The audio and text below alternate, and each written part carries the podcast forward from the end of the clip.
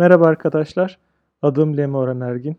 Kendi halinde bir podcast olan Lemi'nin not defterine hoş geldiniz.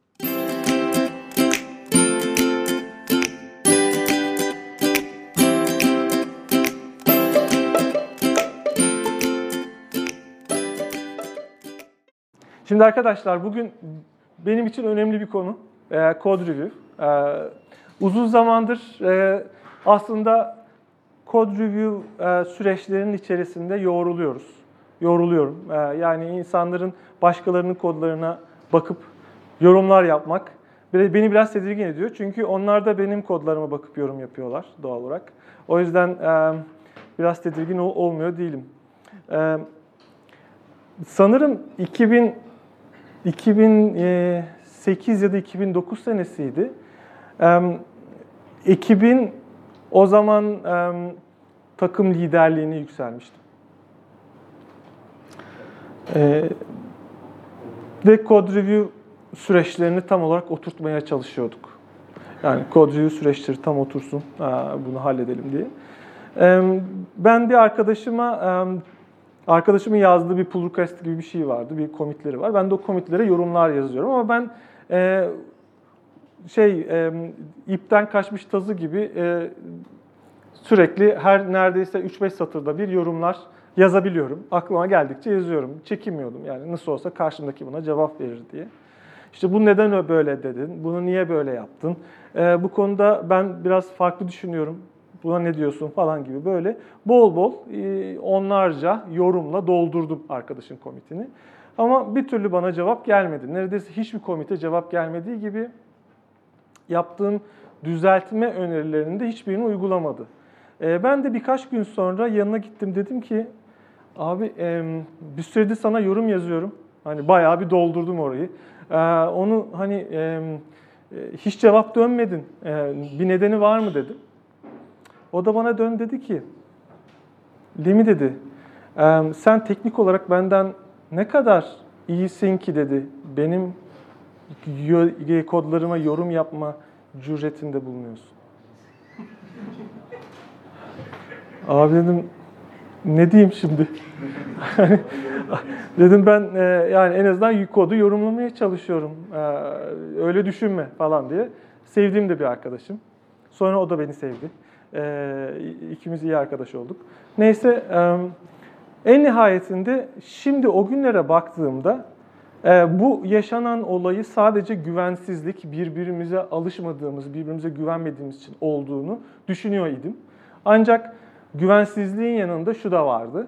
Ben Code review yani kod inceleme sırasında bu yazıyla iletişim kurma konusunda ciddi bazı yanlışlar yaptım net şimdi görebiliyorum. Yani Code Review'da yapılan 10 kusurlu hareketi incelerken geçmişi gözden geçirdiğim zaman aslında bu arkadaşın bu tepkileri vermesi belki normal olabilir.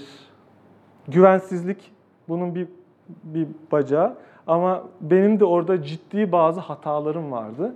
Hem de bu hataları sizle paylaşayım. Hem de çevremde gördüğüm, benim doğrudan yaptığım ya da bana doğrudan benim e, tanık olarak içinde bulunduğum süreçlerde yapılan hatalardan vesairelerden bir code review anti paternleri yani kusurlu hareketleri sizle beraber tartışalım istiyorum.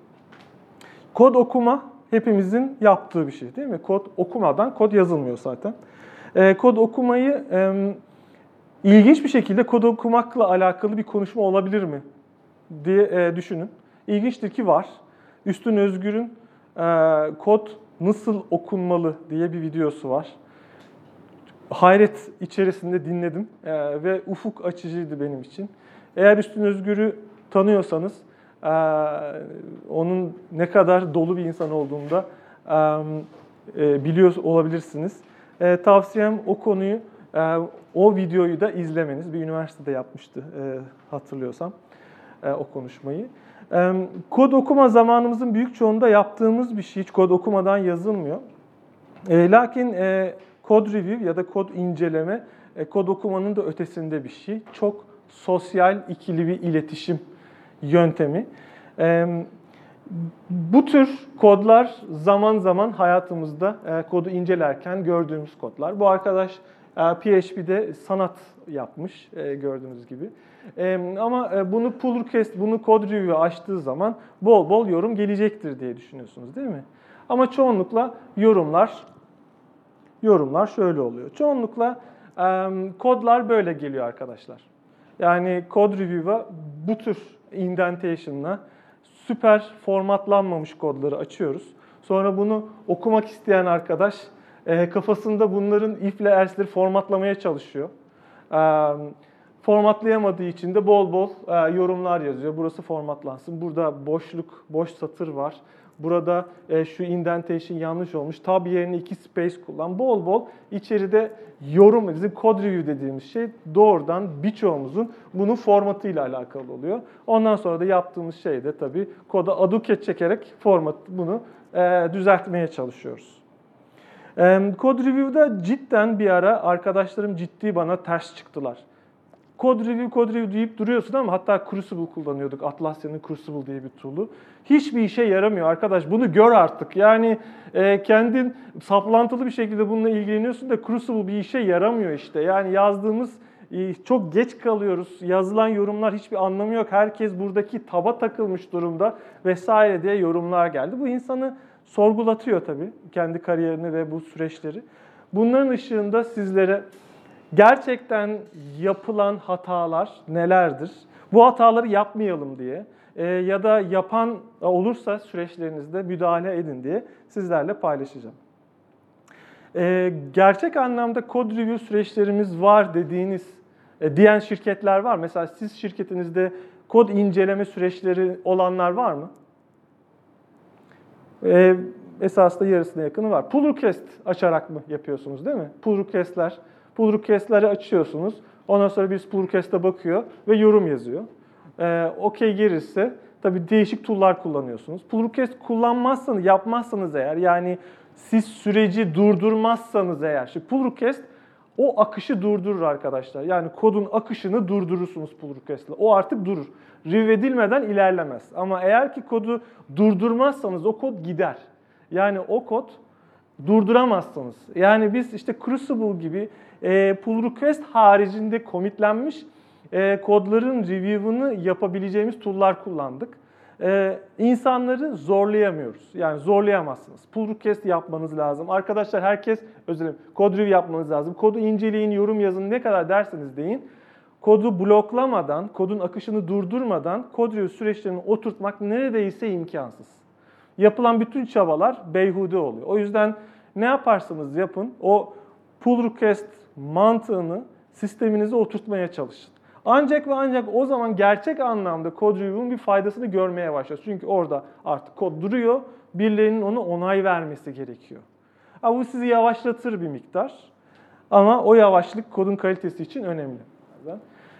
Genel olarak kod inceleme süreçlerinin dört ana büyük kapsayıcı e, faydası var.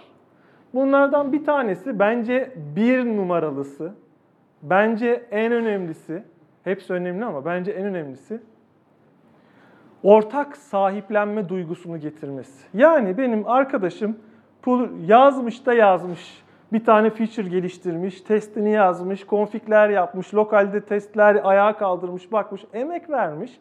Sonra pull request açıyor. Şimdi koda ben baktığımda okuyorum bir bağ kuruyorum kodla. Sonra yorum yapıyorum. Bir açık bir nokta fark ediyorum. Bir şey soruyorum. Ha evet bunu düzeltmeliyim diyor ve düzeltiyor. Yani o kodda benim de bir katkım var artık. Artık o kod sadece onun onun yazdığı kod değil. Artık o kod bizim kodumuz. Gerçekten de e, Code Review'la e, ikili ileti kod üzerindeki ikili ya da çoklu iletişimde insanların koda olan sahipliği artıyor. Bu benim kodum, bu senin kodun e, kavramı kalkıyor.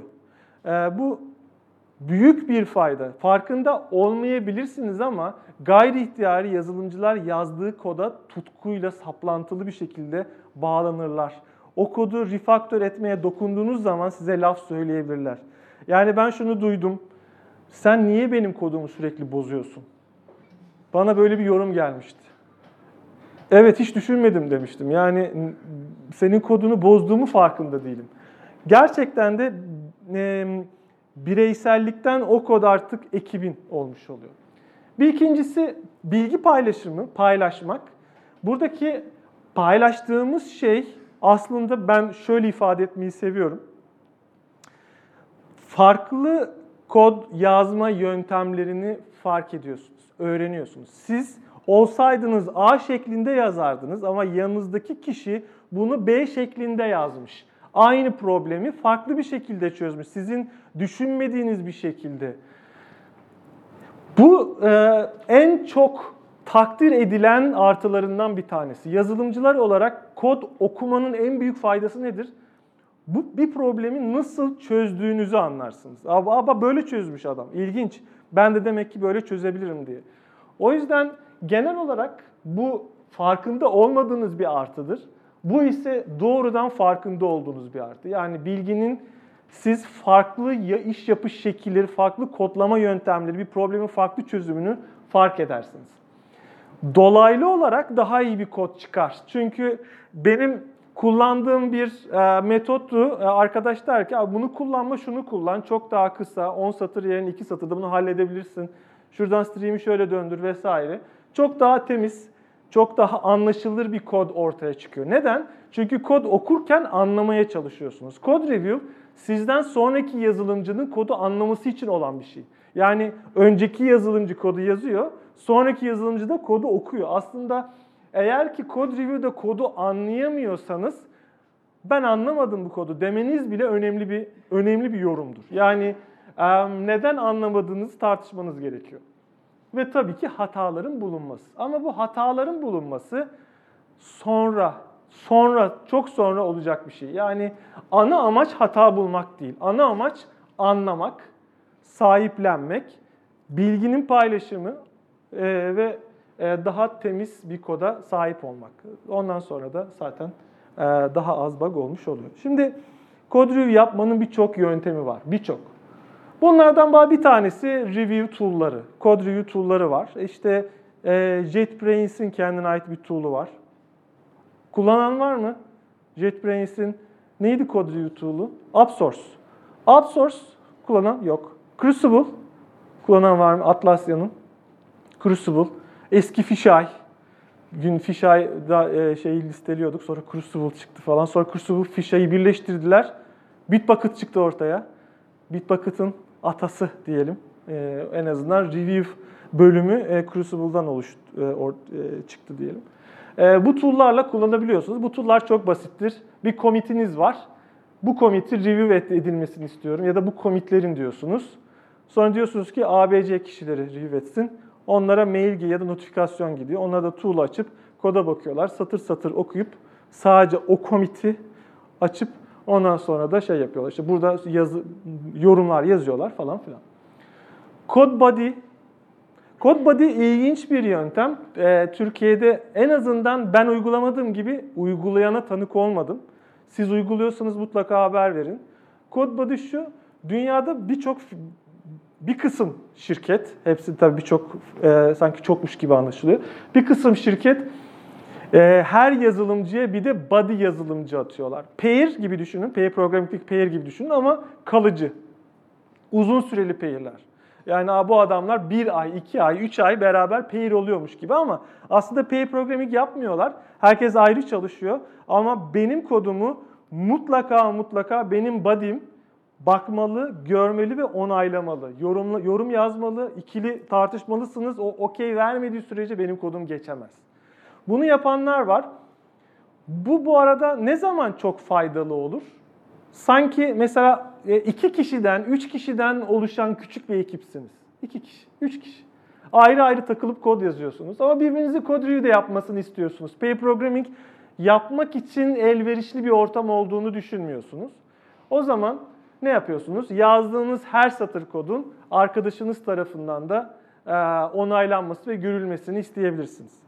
CodeBuddy'yi deneyebilirsiniz. Eğer böyle bir ortamınız varsa. Bir başkası omuz üzerinden, omuz üzerinden kod review her tür sorunu çözer arkadaşlar. Arkadaş çağırırsınız, abi iki saat uğraşıyorum çözemedim dersiniz. Adam o sırada okumaya başlar, siz de onu anlatırsınız. Ha ya şuradaymış dersiniz, teşekkür ederim deyip adamı boş bakışlarla gönderirsiniz. Adamı anlatırken aslında çözmüş olursunuz sorunu. Bu çok sık yaşanır. Code review seanslarını seviyorum. Çünkü e, bir satır, iki satır yazmıyoruz ki. Arkadaşlar yani bir oturdunuz mu bir saatte yüzlerce satır kod yazan arkadaşlar var. Robot dediğimiz arkadaşlar da oluyor bunlar. Robotik bir şekilde kod yazıyorlar. Yani bıraksanız hani e, masadan kalkmasa böyle yardıracak. Bu, şimdi bu arkadaş review açtığı zaman zaten kim o review'a giren orada bayılıyor. Onu şey yapmanızın imkanı yok. O kodu okumanızın imkanı yok. Ne yapacaksınız? O zaman odaya giriyorsunuz. Ekrana yansıtıyor arkadaş. Sonra da kodu baka baka tartışıyorsunuz. Bu ben keyif alıyorum. Ama bunun artıları olduğu gibi eksileri de var. Bunu da biraz yöntemini bilmek gerekiyor. Bir odaya girdiniz 5 kişi, siz kodu açtınız. Satır satır yaparsanız 3 saatte çıkamazsınız. O nedenle kodu yazan kişi gerçekten önemli bulduğu noktaları sizle paylaşıyor, kodu gösteriyor, satır satır anlatıyor ve sizin yorumlarınız da to'do ekleyerek satırlara ekliyor. O an düzeltmiyor. O an refaktör çok küçükse yapılabilir ama genel olarak değişiklikleri yapmaya başlarsanız bir saatte çıkamazsınız. O nedenle büyük değişiklikleri odaya girip beraber review etmeye başladığınız zaman mutlaka yorumları to olarak eklemek gerek. Bir de her her yeri review edemezsiniz, review edemezsiniz. Edemeyebilirsiniz zaman darlığından dolayı. O nedenle e, e, önemli gördüğü yerleri size gösterecektir. Önemsiz kısımlardaki hataları atlayacaksınız doğal olarak. Bir başkası pull request. Pull request açanlar zaten e, tahmin ediyorlardır. Artık kodun akışını durduruyorsunuz. Birisi artık baksın, yorumlasın. Okey vermeden geçiş yok. Hatta iki kişinin okeyini almadan devam etmeyin şeklinde ayarda yapılabiliyor. 2-3 artık kaç istiyorsanız. Pair programming esasında runtime'da, canlı yayında code review demek. Çünkü yandaki arkadaş, kodu yazdıran arkadaş, konuşan arkadaş doğrudan yazan arkadaşın kodunu review ediyor. Pair programming ile yazılmış kodu pull request'ini açtığınız zaman pair olduğunuz adamı açmanıza bence gerek yok. Yani o adam zaten yanınızda. Yani bu olmamış falan çünkü beraber yazdınız. Yani sen e, sen yazmış oluyorsun. Başkalarını açmanız daha mantıklı gibi görünüyor. Mob programming ise verimlilik anlamında ben en çok değerli gördüğüm etkinliklerden birisi. Takımca kodu beraber yazıyorsunuz. Tabii her zaman kodu beraber yazabilir misiniz? Mümkün değil ama özellikle karmaşık business logiklerin barındırdığı, barı barındığı, sizin çok hakim olmadığınız ya da başkalarının da azar azar hakim olduğu kolektif bir bakış açısına ihtiyaç olduğunu düşündüğünüz noktalarda odaya giriyorsunuz, makineye yansıtıyorsunuz, kodu beraber yazıyorsunuz. Pair programming'in 5 kişiyle yapılanını düşünün. Vakit alıyor diyeceksiniz, 5 kişinin zamanını yiyor diyeceksiniz. Ama o kodu bir kişi yazmaya başladığında geçecek olan zaman onların buglarının çözülmesi, arkadaşların onu anlaması vesaire top, totalde çok daha uzun sürüyor. Bunun verimlilik anlamında pull request'in önemli bir yeri var. Genel olarak bunlar daha kodu yazarken e, review edildiği için pull request tam ortada bir yerde bulunuyor. Şimdi pull request kullanmayan, pull request ile kodu akışını durdurmayan arkadaşlar için söylüyorum. Git kullanan var mı aralarında? Git kullanıp pull request kullanmayan. Ee, şey mi kendinizin host ettiği bir e, Git e, şey ortamımız var anlamına geliyor değil mi? Bitbucket değil, GitHub değil. Git var, HTTP, Apache Server var, push ve gidiyor değil mi? Genel olarak bu. Ben de böyle senelerce kullandım. O zaman e, GitHub vardı galiba ama şirketin parası yoktu. E, sonra Bitbucket geldi, şirketin hala parası yoktu. O yüzden e, biz e, kendi Git'imizi kendimiz kullanmıştık o zamanlar. E, peki diğerleri daha çok Git kullanmayan değil mi? TFS. Yok on-premise var. E, default'ta yani Git kurarak siz Git e, push yapabilirsiniz. Sadece SSH'ı ya da Apache HTTP kurmak yeterli yani. Araya herhangi bir hosting şeyine gerek yok. E, ben öyle kullanmıştım daha doğrusu. Em, diğerleri de değil mi? Clear case. Clear case var. Ge- Gerit bir tool aslında. Clear case git gibi yani versiyon kontrol sistemi. Değil mi? O, kullan. Okey. Şimdi e, Code Review'da e, yapılan hataları gruplandırmaya çalıştım. Bolca hata yapıyoruz aslında. Alışkanlıklarımız bizi hata yapmaya zorluyor. Bunlardan bunları dörde böldüğümüzde ilki daha Code Review yapmaya başlamadan önce yapılan hatalar. Yani daha dur Bismillah demeden ayağınızın tökezlemesi gibi. Code Review'u açarken, Review'u açarken, pull request'inizi açarken, abi ben bir şey yaptım bunu review et derken yaptığımız hatalar. Review sırasında yaptığımız hatalar, review ederken. Ve artık tamam bitti, code review bitti. Artık kapatıyoruz. Pull request'i kapatmak, merge etmek gibi düşünün. Ya da artık review edildi, production'a çıkıyoruz ya da bitti arkadaşlar dediğiniz noktada 4, 4 ana alanda problemler yaşıyoruz. Şimdi bunların 10'u da benim açımdan çok önemli. Yani birden 10'a kadar gittiğimde bunları en önemliden en önemlisine kadar sıralamadım. Çıktığı yere göre sıraladım. Bunlardan bir tanesi fark bunu fark etmek çok kolay. Eğer ki ekibiniz içinde bir koda bakarken çok basit konularda tartışıyorsanız yani top mı space bir konusunu bir kenara koyuyorum. O artık o tartışılacak. Yani o bizim o yazılım dünyasının şanından. Onu bir kenara koyalım. Onun haricinde sizin için çok ama çok basit olduğunu düşündüğünüz konularda arkadaşınız tam tersini söylüyor ve anlaşamıyor musunuz? Çok basit konularda. Artık bu herkes böyle yapıyor, yapmalı falan gibi düşündüğünüz konularda tartışıyorsanız eğer o zaman standartlarınızı belirlememişsiniz demektir.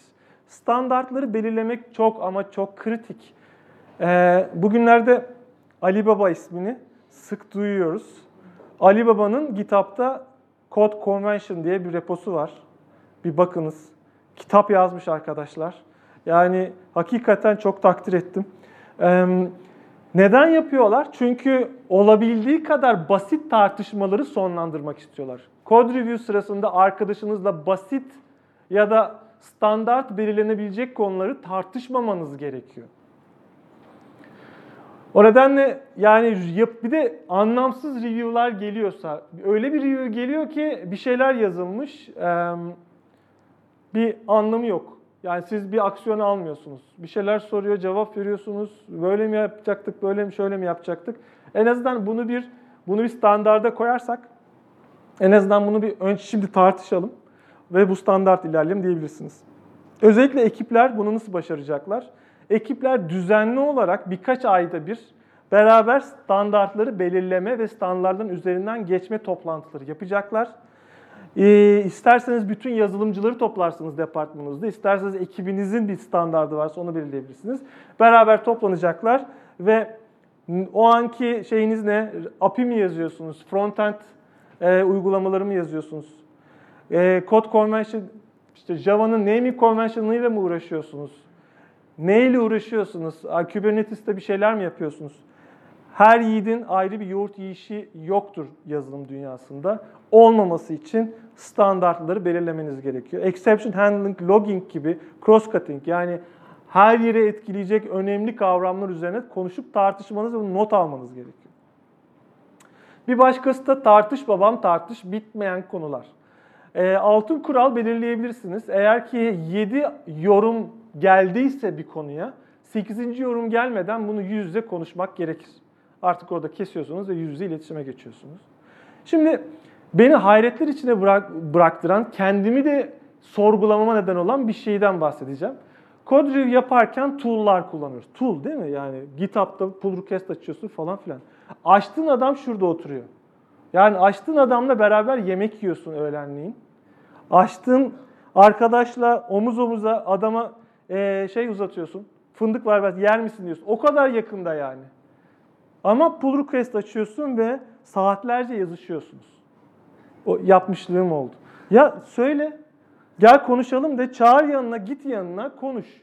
Gerçekten ama gerçekten yüz yüze konuşmak kadar daha verimli bir iletişim yok arkadaşlar. Çünkü özellikle bizim e, yetişme tarzımıza göre ülkelerin kültürel farklılıklarına baktığımız zaman biz daha duygusal insanlarız. Hep öyle derler ya.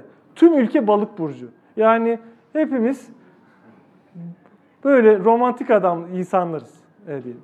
Ve şey e, yazılardan alınıyoruz. Yani öyle demek istememiştim. E, sert olmuş ama bak falan. Hani herkes birbirine e, bu tehlikeli. Yazıyla iletişim tehlikeli. Ya emoji koyacaksınız gülen surat sonuna. Yani oradaki kötü niyetli olmadığınızı belirten. Ya da gideceksiniz beraber konuşarak yapacaksınız. Ben her zaman konuşma taraftarıyım. Ee, eğer ki e, yazarak iletişim kuramadığınızı ya da ilişki sorunu olmaya başladığını düşünüyorsanız eğer. Okey. Standartlar önemlidir. Testler, e, kod, kod üzerine standartlar oluşturmanız yetmez. Ayrıca test yazmalısınız ve test otomasyonu yapmalısınız. Burada da mı test çıktı? Demeyin arkadaşlar. Test her yerde karşımıza çıkıyor. Çünkü testi olmayan kodu çalıştığını ben nasıl anlayacağım? Biz pull request'i açtığımızda karşımızdaki adam bakarak compile etmeye çalışıyor. Kafasında deploy ediyor beyne ve çalıştırmaya, uygulama çalışıyor mu diye bakıyor. Yani imkansız. Onun testine bakacak. Bu kod nasıl kullanılıyor? Yani nerelerde happy path'leri neler, alternatif akışları neler? Bunu bunu bunu bilmeli değil mi? O nedenle test burada da var. Testte olmayan kodu review etmek gerçekten küçükse tamam. Hani bir iki class vardır. 3-5 30-50 satırlık kod vardır. Ama siz oturup da bir günlük işi pull request'ini açtığınızda onun testi yoksa zaten onu review etmek imkansız neredeyse. Bir başkası da şu arkadaşlar. Ortada bir bug var değil mi? Hatırlar ben ara ara onun fotoğrafını paylaşıyorum sunumlarımda. Kafamda bir böcek çantası falan. Ee, production'da bug olduğu zaman biz bir kafaya çanta takıyorduk o bug'ı çözünceye kadar. Neyse. Ee, ortada bir bug var ve o bug'ın bir sorumlusu var. Production'da bir bug var. Lemi yazdı. O kısmı Lemi yazdı, Lemi çözecek. Bütün sorumlu Lemi ya da testi, testçi. Testçi diye bir testçi değil o, test uzmanı. Ee, diş hekimi, dişçi değil, diş hekimi gibi. Test, test uzmanı arkadaşı suçluyoruz. Ya da test uzmanı arkadaşlar yazılımcıyı suçluyor. Şimdi aslında code review yaparak siz olası bug'ın sorumluluğunu dağıtıyorsunuz. Yani o review'u yapan kişilerin hepsi 8'de 8 sorumludur. Yani ortada bir problem varsa hepimiz sorumluyuz. Bizim başımıza birkaç kere geldi. Canlı da hani arkadaşın çok sinirlendiği bir ortamda arkadaş lanet olsun anlamına gelen bir kelime yazdı. lanet olsun adamım deyip koda yazmış. Sonra kod bir şekilde canlıda karşımıza çıktı falan. Sonra bu lanet olsun adamın kodu, yazısını kim yazmış acaba diye ya da niye yazılmış diye kurcaladığımızda şeyi fark ettik. Bir sürü insan review etmiş, pull request açılmış, oho testleri geçmiş, review'lar, insanlar koda bakmış. Hiçbirimiz fark etmemişiz. Tüm sorumluluk hepimizin. Yani hepimiz insanız, hata yaparız. Ama sorumluluk o pull request'e bakan herkes. O yüzden herkes gözünü dört açıp o lanet olsun adamımı bulması gerekiyor. Bu önemli. Şimdi açarken bazı arkadaşlara robot demiştik. Onlar oturduğumu inanılmaz satır sayısına ulaşırlar yani. Eğer bırakırsanız o da dokunmadan kod yazarlar, yazarlar yani. Ve o adamların kodunu review etmek imkansızdır. Onlar pull request açarlar, kimse bakmaz. Biz e, geçmişte şöyle bir karar almıştık. 150 satırdan daha fazla kodunuz varsa review edilecek. Pull request açabilirsiniz. Ama kimse bakmayacaktır. Çünkü altın kural şudur. Günde yarım saatten fazla pull request'te zaman kimse harcayamaz.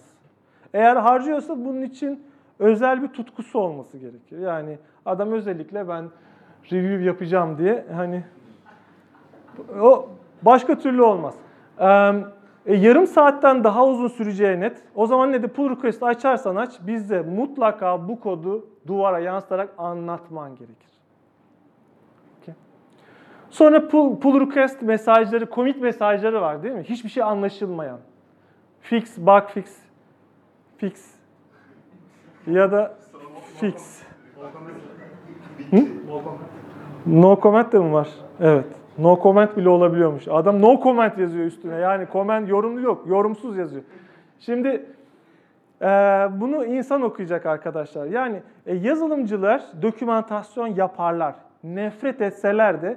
Çünkü dokümantasyon ne demek? Yazılımcı eğer bir şeyi yazıyor ve başka birisi onu okuyorsa o dokümantasyondur. Komik mesajı bir dokümantasyondur. Çünkü yanında oturan adam 3 gün sonra ya burada bir problem var, bir şey oldu deyip o git loguna bakacak ve commit mesajlarından ne olduğunu anlamaya çalışacak. Commit mesajının adı refactoring. ne anlama geliyor? Bir refactoring yapılmış. Burada sanatçı refaktör etmiş. Ama nereye etmiş, ne amaçla etmiş, hangi modüllere dokunmuş? Buradaki ana çıkış noktası neydi? Bunu yazması gerekiyor. Özellikle internet aratırsanız commit mesajı yazılmalı konusunda harikulade mesajlar görebilirsiniz. Aynısı pull request'ler için. Tabi zaman içerisinde commit mesajlarında bazı problemler de görebilirsiniz. Yani commit mesajıyla içeriği aynı olmayabilir. Bu zaman zaman değil çok sık karşılaşacağınız bir şey. Çünkü çoğunlukla bizim commitlerimiz şöyle oluyor. Bu son değişiklikleri alıyoruz ve commitliyoruz. Son değişiklikleri alıp commitlemek diyorsanız eğer peki ne yorum yazacaksınız? Tabii ki refactoring diyeceksiniz. Çünkü torba yasa gibi içinde her şey var. Bug fix var. Ee, bir önceki feature'ın bir önceki feature'da yapılması gereken ama eksik kalan bir bölge var. Refaktör etmişsiniz. Her şey var içerisinde. Yani ona isim vermek kolay değil. Ama oysa ki kavramsal olarak bunları ayrı komitlere parçalarsanız o zaman commit mesajı daha güzel verebilirsiniz. Tabi GitHub ya da Bitbucket gibi kullanıyorsanız ve pull request açıyorsanız pull request'in mesajı çok kritik. Ben pull request'in mesajını karşı tarafa duyulan saygının bir göstergesi olarak görüyorum. Yani bir pull request geliyor. Eğer üstünde bug fix yazıyorsa ya adam orada zaman harcayacak. Bak adam açacak kodu. Bug fix yazıyor. ne acaba diyecek. İçeriğine bak diyecek. İçerisinde 15 tane dosya var. Teker teker bakacak. Bu neyi fixlemiş acaba? Yani bu esasında karşı tarafın zamanını ve emeğinin üzerine yatmak oluyor. Adamın adama yazık oluyor yani. Şimdi birincisi eğer mümkünse pull request'lerinizi ya da review edilecek kodunuzu küçük tutmak. Küçük. Olabildiği kadar küçük. İyi mesajlar önemli. Bir de bir altın kural var. Başkasından başkasının yorumlarını istiyorsak eğer, abi sen bir koduma baksana ne, ne düşünüyorsun demeden önce sizin sanki bu kodu başkası yazmış da siz onun kodunu review ediyormuşçasına review etmeniz gerekir. Yani yazar kendi kodunu önceden review etmek zorunda. Bu gerçekten ama gerçekten altın kural. Yani bunu biz bir ara ekipçe yazmıştık kurallarımız olarak. Ne demiştik? Review'u açmadan önce, tabii o zaman pull request yapamıyorduk. Kullandığımız tool bunu desteklemiyordu. Pull request açmadan önce ya da review açmadan önce kodunu review et. Nasıl review ediliyor? Push, push etmeden önce change set'e teker teker açıyorsun idende bakıyorsun. Neleri gönderiyorum? Push ediyor adam neyi push ettiğini bilmiyor. Bu tehlikeli bir durum. Yani push'u gönderiyorsun sunucuya. E bir bak önceden ne, ne gidiyor? Aa bu da gidiyormuş. Tabii o da gidiyor. Çünkü onu git nokta git ignore koymadın ki. Komple binary'leri de gönderiyorsun. Haberin yok. Onun için teker teker bakmak gerekiyor. Ya da ben şunu da yapıyordum. Hepimiz insanız. Bir şekilde ne kadar bakarsak bakalım push deyince gidiyor. Pull request aç deyince de açılıyor. Giden gitti. Kendi pull request'imi incelemeye başlıyorum. Kendi pull, aa, kendi pull request'imde bazı problemler o an görüyorsunuz. O zaman koda dönüyorum, fix ediyorum, force push ile pull request'imi güncelliyorum. Bu da mümkün. Yani başkaları daha pull request'ime bakmadan ilk review'ı ben kendim yapıyorum. Bir başkası. Ekibiniz kalabalık. 10-15 kişi var. Kimi seçeceksiniz? Kodunuza yorumu kimi isteyeceksiniz? Şimdi eğer ki siz çok fazla insandan review isterseniz e, çok fazla insandan kod review isterseniz hiçbirinden alamama riskiniz var. Bekle babam bekle. Sizin mümkünse bir iki kişiden yorum almanızın yeterli olması gerekiyor. Peki hangi bir iki kişi? Şimdi genel olarak benim e, sevdiğim yöntem şu. Herkese aç, review edenlerden yani review eden etsin. Ama burada da bir problem var. Hani ben böyle davranıyorum ama bu da bence doğrusu değil. Yani e, o zaman da şu oluyor. Hep ben bakıyorum. Hep aynı kişiler bakıyor. Diğerleri de hep e, ölü taklidi yapıyor. Yani e, bunun daha doğru bir yolu olmalı. Bunu çözecek olan kişiler birkaç yöntem belirlemişler. Bir tanesi review body, code body. Body review etmek zorundadır. İkincisi integration Sezar. Entegrasyon Sezarı. Sezar the architect adını vere, verebiliriz onlara da. Şirketlerde vardır. Mimarlar. Matrix'i onlar yaratmışlardır. Matrix kodunu da onlar review ederler. Bazı, bazı ekiplerde onlar gelen bütün pull request'leri review etmekten sorumludur. Bu hangisi doğru? İkisi de hepsi doğru. Yani ekiplerin, şirketlerin dinamiklerine göre yöntemler değişir. Şimdi evet bence herkesin koda bakması, yorum yazması önemli. Okey.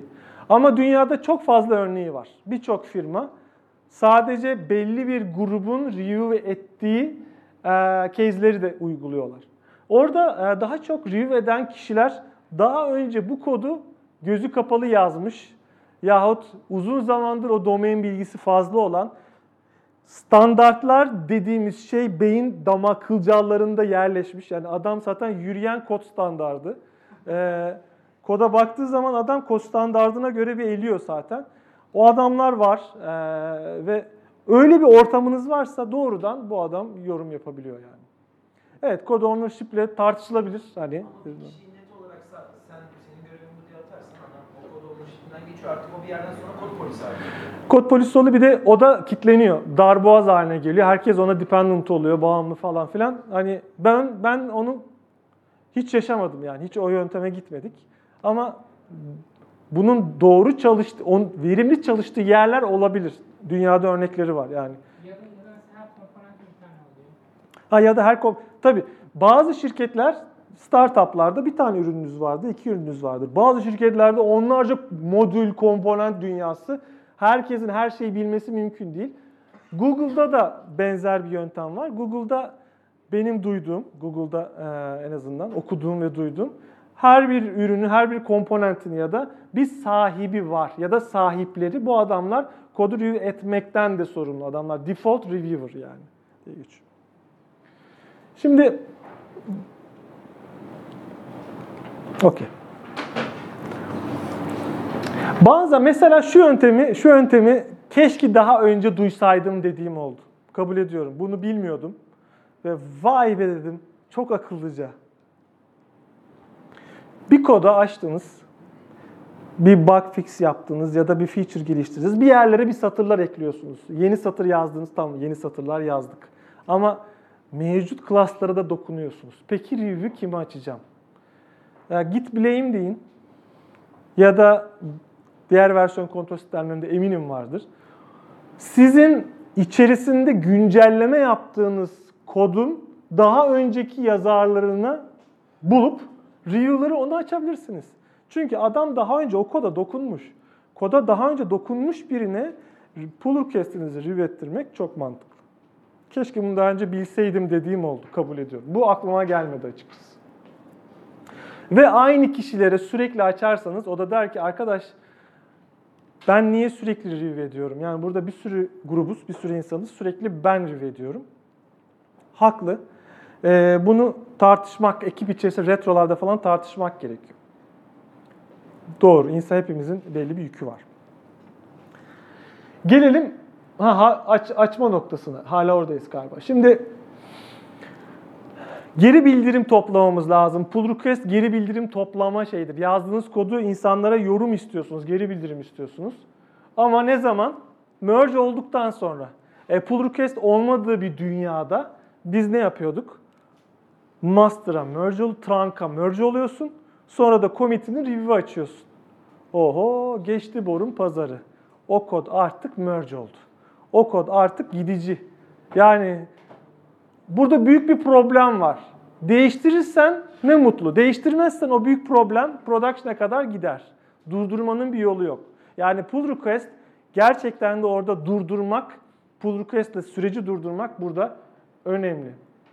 Bir de bir ay çalıştıktan sonra pull request açmak anlamsız. Şimdi şeyi de anlayabiliyorum. Büyük firmalar, kurumsal firmalar,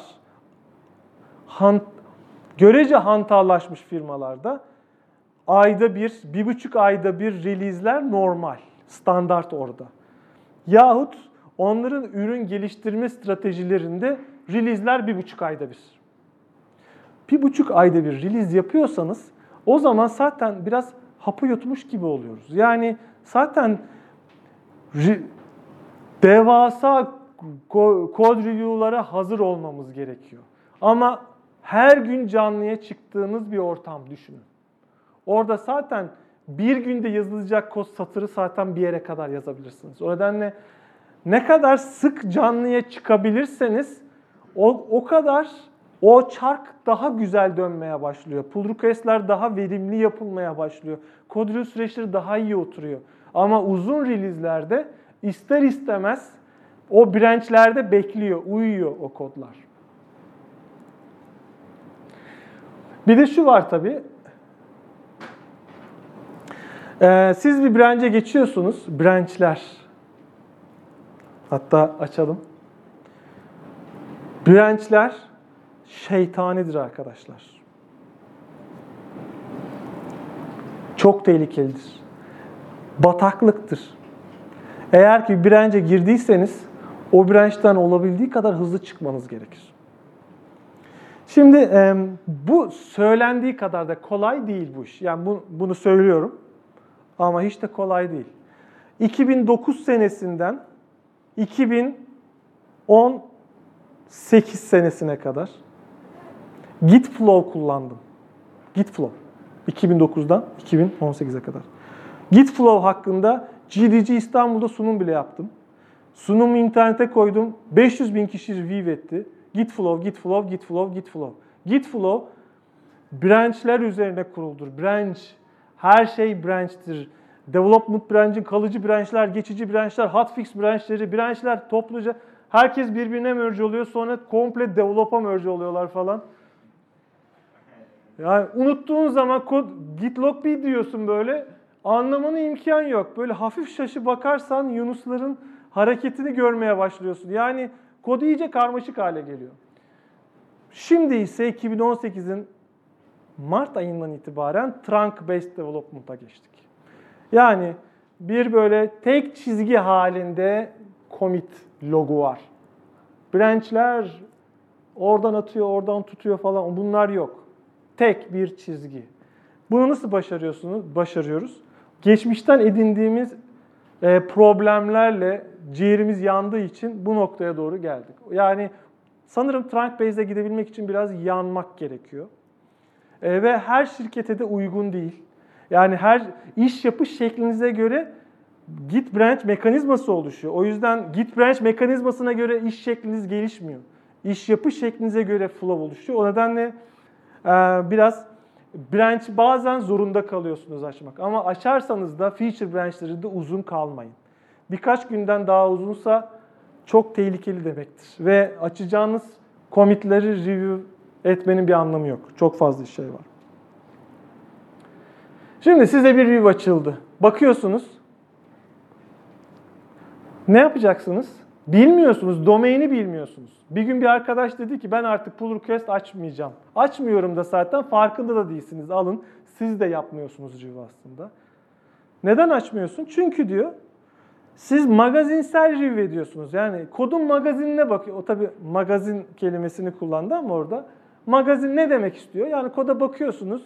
İşte eee, kıvrık parantezin bilmem nesi, indentation'ı falan. E, yani kodun daha böyle e, logic, business logic, akış, algoritma bunları review etmiyorsunuz. Edemiyorsunuz. Neden? Çünkü bu kodu sadece ben biliyorum. Bu domaini ben biliyorum. Benim koduma yorum yapma cüretinde bulunabilmen için bu kodu benim kadar bu domaini bilmen gerekiyor diyor adam. Hmm. Haksız, haklı olduğu yönler var gibi sanki. Yani düşünsenize adam Mars'a füze atan bir kod yazmış. Çevresinde Mars'a füze atan insan yok. Kod yazan adam yok. Kod pull request açıyor. Abi ya kıvrık parantezine alt satır alsan daha iyi. Ya füze atıyorum ben orada. E, Problem. Adam tabii haykır. Ya tamam da bakın düzgün mü atıyorum füzeyi? Orada bir problem var mı ona baksana der yani. Peki bunları nasıl çözeceğiz? Bu ciddi bir sorundur bu arada. Bu sorunu çözebiliyor olmamız lazım. Yani yazardan daha iyi bilmiyorum ki ben neyine bakacağım bir kodun. Bakın bu ciddi bir problem. Burada silolaşma var demektir.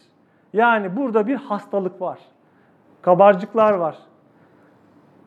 Kızamık olmuşuz gibi. Yani bunu eğer ki diyorsanız ya da dendiğini duyduysanız ekip hasta demektir. Bu silolaşma hastalığı. Burada ek, bilgi sadece bir kişide hapsolmuş demektir.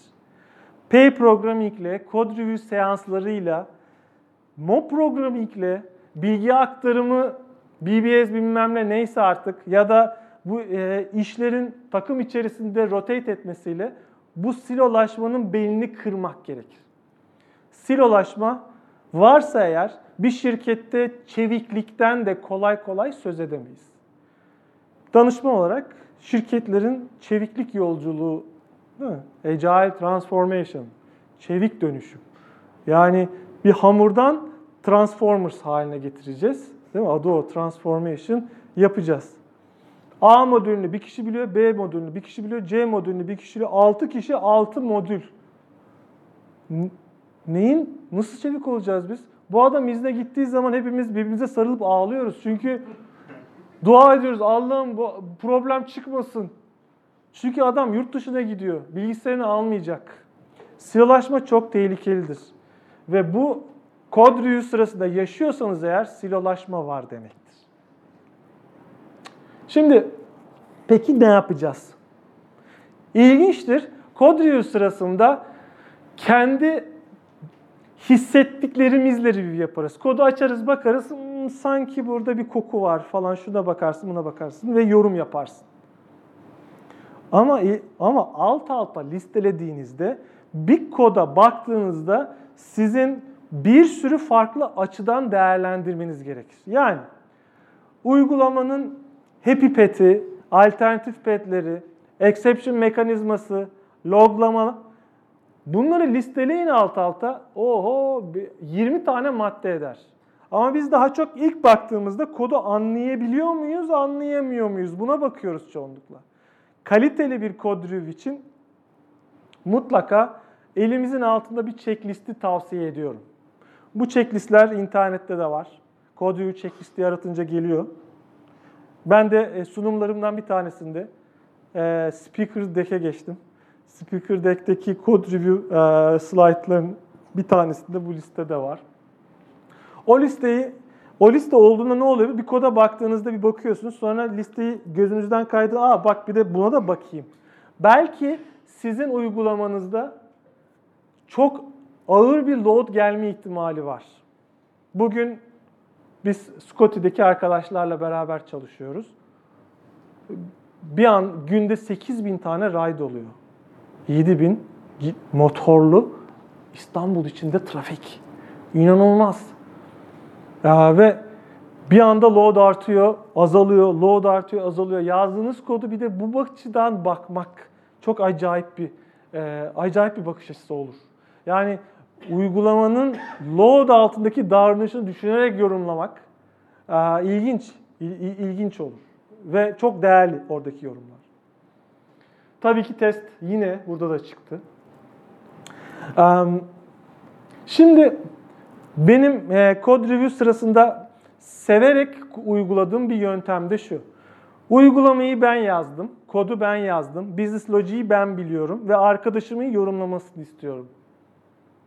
Yine de silolaşmaya biz izin vermiyoruz. Kesinlikle derse de, deyin. Yine de mikro silolaşmalar her zaman olacaktır. Yani genelde silolaşma olmasa da zaman zaman kişilerde bilgi birikecektir. Peki yine de benim pull request'imi yorumlayabilecek detaya sahip olmayabilir. O zaman ne yapacağız? Benim yaptığım yöntem şu. Pull request'i açıyorum. Açıyorum pull request'i. Biliyorum ki arkadaşım benim koda baktığı zaman sadece magazinsel yani üstünden bir geçecek. Çok da fazla business logic'ini yorumlayamayacak. O zaman ne yapacaksın? Ne yapıyorum? Kendi koduma yorum yazıyorum. Evet, comment yazmak kötüdür. Evet, evet. Kod kendini anlatmalı. Evet. Kod öyle yazılmalı ki kodu okuyan kodu anlayabilmeli. Ama gerçekte bu o kadar kolay değil. O nedenle kodu eğer ki pull request sırasında şey düşünüyorsanız, karşı tarafın sizi review edecek kişinin anlamasını istediğiniz business logikler varsa basın satıra ve bir iki cümle yazın ki arkadaş onlar da okuyor, herkes yorumları okuyor. En azından o konu hakkında fikri olsun. Sonlara doğru geliyoruz. Hızlanıyorum. Biraz evvel bahsettim. Bu benim kodum. Benim koduma dokunma. Bu bunu ben anlattım. Yani ben biliyorum. Sen benim senin yorumların benim umurumda değil diyebilirler doğal olarak. Ki bana dediler. İki, iki grup var. Bir tanesi benim e, dahil olduğum grup. Her şartta nezaket tepede olmalı yani. Yorum yazarken de yanlış anlaşılmaya imkan verecek şeyleri yazmamak gerekir. Yazacaksan da cümleyi güzel oluşturup sonunda bir tane emoji koyabilirsin. Bir başka grup, abim buna ne diyeyim artık kör müsün demekten başka bir şey yok. Yani bunu sert girmen lazım ki kod iyi, iyi, iyi olsun diye şey var. Ama e, iletişim kritik. O nedenle eğer ki karşı ne dersen de buna artık diyecek söz yok. Hani bir yorum yazacaksın ama yani bu kod kötü olmuş demekten başka bir şey yazamayacağını hissediyorsan eğer benim yaptığım şey yanına gidiyorsun abi şu kodu beraber bir ok bakalım diyorsunuz. Her zaman işe yarar. Yüz yüze kodcu her zaman yanlış anlaşılmaların önüne geçer. Her zaman yani. O yüzden yanlış anlaşılacağını inanıyorsan bir, yerde yazmıyorsun pull request'ini yazmıyorsun. Yanına gidiyorsun adamın ve anlat diyorsun yani. Ben benim taktiğim bu. Şimdi ortada bir, bir pull request açtınız. Ortada ciddi bir bug gördüm ben. Ben onun bug olduğunu inanıyorum ve ciddi bir şey olduğunu düşünüyorum. O zaman ben burada bu bir defekttir diye işaretleyeceğim. Defekt. Alınmaca, gücenmece yok. Sen de aynı durumda benimkini işaretle. Çünkü defekt işaretlememe gibi bir şey var. Ben işaretleyemediğim çok olmuştur. Arkadaşım alınırsa, üzülürse, defekt. Oysa ki adam istemeyerek yazmış. Yani değil. O ama el sıkışırsanız kimse kimseye gücenmez. İkincisi e, bu kritik bir problem var. Bir de nice to have var. Şimdi nice to have'i yapılmayacak. Normalde to have'ler çoğunlukla yapılmaz. Ama ekipçe karar verirseniz ve şey derseniz bak arkadaşlar kritikler var. Bu kritikleri yapalım. Nice to have'lerin üzerinde de to do yazalım ve to do'ları hı- eritelim hızla. Biz şöyle yapıyoruz. Merge edilebilmesi için kritiklerin ve önemlilerin mutlaka fix edilmesi gerekiyor. Geri kalanlar merge'den sonra refaktör edilirken düzenlenmeli. Seviyelenme gayri ihtiyari oluyor yani.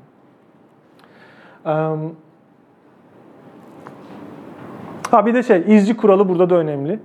Review ederken, e, ben ben açıkçası sadece eklenen satırı review etmem, bütün klasa bakarım. O yüzden bütün klasta da adamın dokunmadığı bir yerde bir problem varsa oraya gayri ihtiyari yazıyorum. Abi bak burada bir problem var diye. Neden? İzci kuralı der ki siz bir yerden ayrılırken bulduğunuzdan daha temiz bırakmalısınız. Sen bu klası idealinde açtın mı? Açtın. O kodu gördün mü? Gördün. Altına satır ekliyorsun ama üstteki satır orada pis, problemli onu temizlemen lazım. Yani bu, bunun da el sıkışmanız lazım. Mesela eğitimlerde ve e, danışmanlık danışmanlık verdiğim için Ekipe danışman olarak gidiyorum. Yaptığımız ilk şey önce kurallar üzerine el sıkışmak olmalı. Çünkü benim uyguladığım kurallarla ekibin ekiple el sıkışmazsam benim her tür söylediğim yanlış anlaşılabilir. Ben ekibe diyorum ki bak eğer ki bir şeyi yanlış yapıyorsan abi bu yanlış oldu diyeceğim. Alınma, gücenmece yok. Hani aramızdaki ilişki böyle. Ben bu yanlış oldu diyeceğim diye o el sıkışıyoruz. Burada da el sıkışmak gerekiyor. Bir başkası var. Bu arkadaşlar çok bilgili arkadaşlardır. Zeki arkadaşlardır belki de. Karşı tarafı nasıl tufaya düşürürüm ve karşı tarafı nasıl aptal gibi hissettiririm diye kod review yapanlar oluyor. Hani nasıl ya bunu, bunu nasıl bilmezsin falan havasında. Bir ego tatmini oluyor. Tamam mı? Ee, reputasyonunu e, yok edelim. Şimdi e, burada yapılacak olan şey de şu. Ekipçe sıkışmaktan bahsetmiş miydik? Bahsetmiştik. Ekipçe eğer ki bir bu- buna benzeyen bir problemle karşılaştıysanız ekipçe beraber retrospektif toplantısı olabilir ya da bunun için özel toplanabilirsiniz. Egosuz programlamanın 10 emri internette arattığınızda 10 Commandments of Egoless Programming. Bunu sesli olarak okuyup tartışın. Ve bunu da kod review'larda herkesin riayet etmesi gerektiği konusunda el sıkışın. Her zaman na- nazik olmamız gerekiyor zaten. Bir de önceki yazılımcıya saygı duymamız gerekiyor. Bunu önceki yazılımcı bunu tweet attı bu sözümü. Önceki yazılımcı bir tweet hesabı var. O e, Sevin diye e, diye e, duymuş. E, önceki yazılımcıyı sevin demiyorum aslında. E, saygı duymamız gerekiyor. Çünkü e, önceki yazılımcı o kodu yazarken ki yaşadığı ortam, şartlar, deadline baskısı, o anki ruh hali, her şey, business baskısı, her şey farklı olabilir. E, bunlara da saygı göstermek gerekiyor. Ee, insanları ikna edemediğinizde ne olacak? İkna edemiyoruz bazen. İkna etmek imkansız oluyor. Ne söylerseniz söyleyin yazdığınız kodu karşı taraf ikna olmuyor. Yorumlar ikna yorumlarınıza ikna olmuyor. Şimdi burada e, bir podcast dinliyordum. Bu bundan ben de müzdariptim. Senelerce yazdığım yorumlar hatta bir şey dedim. Abi Allah aşkına en azından Hayır, öyle düşünmüyorum yaz. Yani ben orada günde bir buçuk saatimi harcayıp sana 150 tane yorum yazmışım. Tamam bakın orada 150 yorum yazmak da bir hata. Madem 150 yorum yazacaksın arkadaşın yanına git kod üzerinde tartış değil mi? Yok. Karşındaki adama 150 tane yorum yazmışım. O da en azından şöyle desin abi tamamen yanlış düşünüyorsun. Desin yani. Hiçbir şey yazmıyorlar. O nedenle ekipçe bir araya geldiğinizde yazılan her yoruma cevap yazmak zorundayız arkadaşlar diye el sıkışın. Ben bir yorum yazmışım. Sessizlik. Burada ciddi bir hata var gibi ne düşünüyorsun? Ölü taklidi. Şey mesela ben şey 3 paragraf yazmış. Hı hı. No yazmış. Kalkmış. Ha, üç paragraf yorum altında no. Evet, bu da mant. Evet. Peki ya da ama bir şey yok. Peki yazmış ama cevap yok sonra. Yani şey, bu bu önemli en azından yorum yazması gerekiyor. Bir de mesela bir izlediğim podcast'te çok güzel bir öneri vardı. Ben de çok güzel açıklamış dedim. O da şuydu.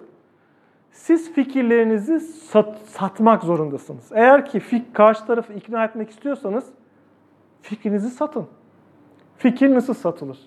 Yazılımcı fikrini nasıl satar? Valla bence string utils mesela ben aynısını yaşadım arkadaşlar. Phone number utils diye bir class var. Phone number utils. String alıyor. Phone number valide ediyor. Phone number mı değil mi? Telefon numarası mı değil mi? Ben buna karşı çıktım. Dedim ki phone number zaten utility class'lara karşı inanılmaz büyük bir nefret besliyorum. Statik metotları olan e, utility class'ları. E, ben dedim ki phone number diye bir obje oluşturalım. Constructor'dan string alsın. İçerisinde de parse etsin. Exception fırlatıyorsa fırlatsın ve artık string değil. String primitif. Dünyanın en iğrenç primitifi. Int bile daha güzel bir primitif. En azından bilmem kaç bit. Bunun sınırı da yok. Yani biraz kişisel girdim string'e ama yani Evet yani şey bir bir o business logic barınıyor çünkü o string'de. Yani düşünsenize phone number başında artı mı var? Yok mu? Artı 90 mı var? Türkiye'den mi? Yurt dışı mı? 500 bilmem kaç. İşte boşluk mu var aralarında? Kaç karakterden oluşuyor? İğrenç bir logic var yani. Bunu string ile tutmak hani şey e, resmen hani yasa dışı silah kaçakçılığı gibi bir şey. Tehlikeli. E, o nedenle mesela bunu bunu ikna etmem lazım. Nasıl ikna edeceğim? İşte literatürden örnekler, şirinlikler falan değil tabii. Yani örneklerle insanları ikna yorum şeylerle, kod örnekleriyle göstermek gerekiyor. Satmamız gerekiyor. Okey? Bundan konuştuk. Ölü taklidi yapan arkadaşlar. Pull request açıyorsunuz. Kimse bakmıyor. Yok. Sessizlik. O zaman ne yapacağız arkadaşlar? Bağıracağız. Bunu biz süper yapıyorduk EasyCode'da değil mi? Hey pull request, pull request açtım bakın arkadaşlar. Hatta yanına gidiyor pull request'im var diyor. Açtım. Bir saat önce açtım. Benden kurtulamazsın ensendeyim falan. Yani harikulade. Ee, bakmıyorsa dürtmemiz gerekiyor. Daha bu sabah oldu. Sabah buluştuk Daily'de. Dört tane pull request birikmiş bizde. Arkadaşlar dört tane birikti o zaman ne yapıyoruz? Dönüşte herkes dalıyor review'a. Çünkü dört tane birikmiş. Çığ etkisi yaratıyor. Bekleyen diğer kodlar öncekilerin merge olmasını bekliyor falan. Bunu çözmemiz gerekiyor. Okey. En sonda da prematüre merge'ler. Deadline çıkmamız lazım. Hemen çıkmamız lazım. Merge et abi, merge et. Pull request ben sen aç abi ben onaylıyorum falan. Hani sen ortaya aç ben kafaya çıktım havada bekliyorum demek gibi bir şey. Yapmışlığım vardır hani doğru şey de yapmayalım yani. Ama e, çok tehlikeli. Çok çok tehlikeli. E, peki ha şu da olabiliyor. E, yöneticilerin bunu zorladığı durumları bile duyum aldım yani. Yönetici diyor ki ya bir haftadır yapıyor. Merge et abi. Merge, merge. Merge mi? Yani çıkacağız ve production'da mı patlayacak? Ya çık production'a bir orada test ederiz. Zaten prod öncesi ortamlarda test etmek imkansız. Bunları duyuyorsanız başka sorunlar da var demektir. Yani prod öncesi ortamları da bir gözden geçirmemiz gerekiyor. Ne yapacağız? Yardım isteyeceğiz. Gözünü seven defansa gelsin der gibi. Herkes pull şeye review'e gelsin. Ciddi bir review var. Canlı hemen çıkmamız lazım. Bir kişinin sorumluluğunda olamaz. Gelin arkadaşlar şu pull beraber bakıyoruz. Hemen canlıya çıkmamız lazım. Ee, ve hani standartlarınızda olması lazım. İlkeli bir duruş lazım. Yöneticiye birinin hayır demesi lazım. Derin nefes al ver, sakin ol. Her şey yolunda olacak. Merak etme review kötü bir şey değil diye ikna etmesi gerekiyor. Şimdi genel olarak baktığımızda bu 10 tane madde. Bu 10 maddeden daha fazla da olabilir arkadaşlar. Tabii ki. Tabii ki. Ama benim çıkardıklarım bunlar. Eğer ki işin içinde bir kod review varsa önceki yazılımcıya referans göstermeden olmaz arkadaşlar. Kendisini seviyoruz. Sonraki yazılımcı anlatır gibi kod yazmak. İşte bütün mesele bu. Genel olarak kod review'un ana mottosu bu diyebiliriz.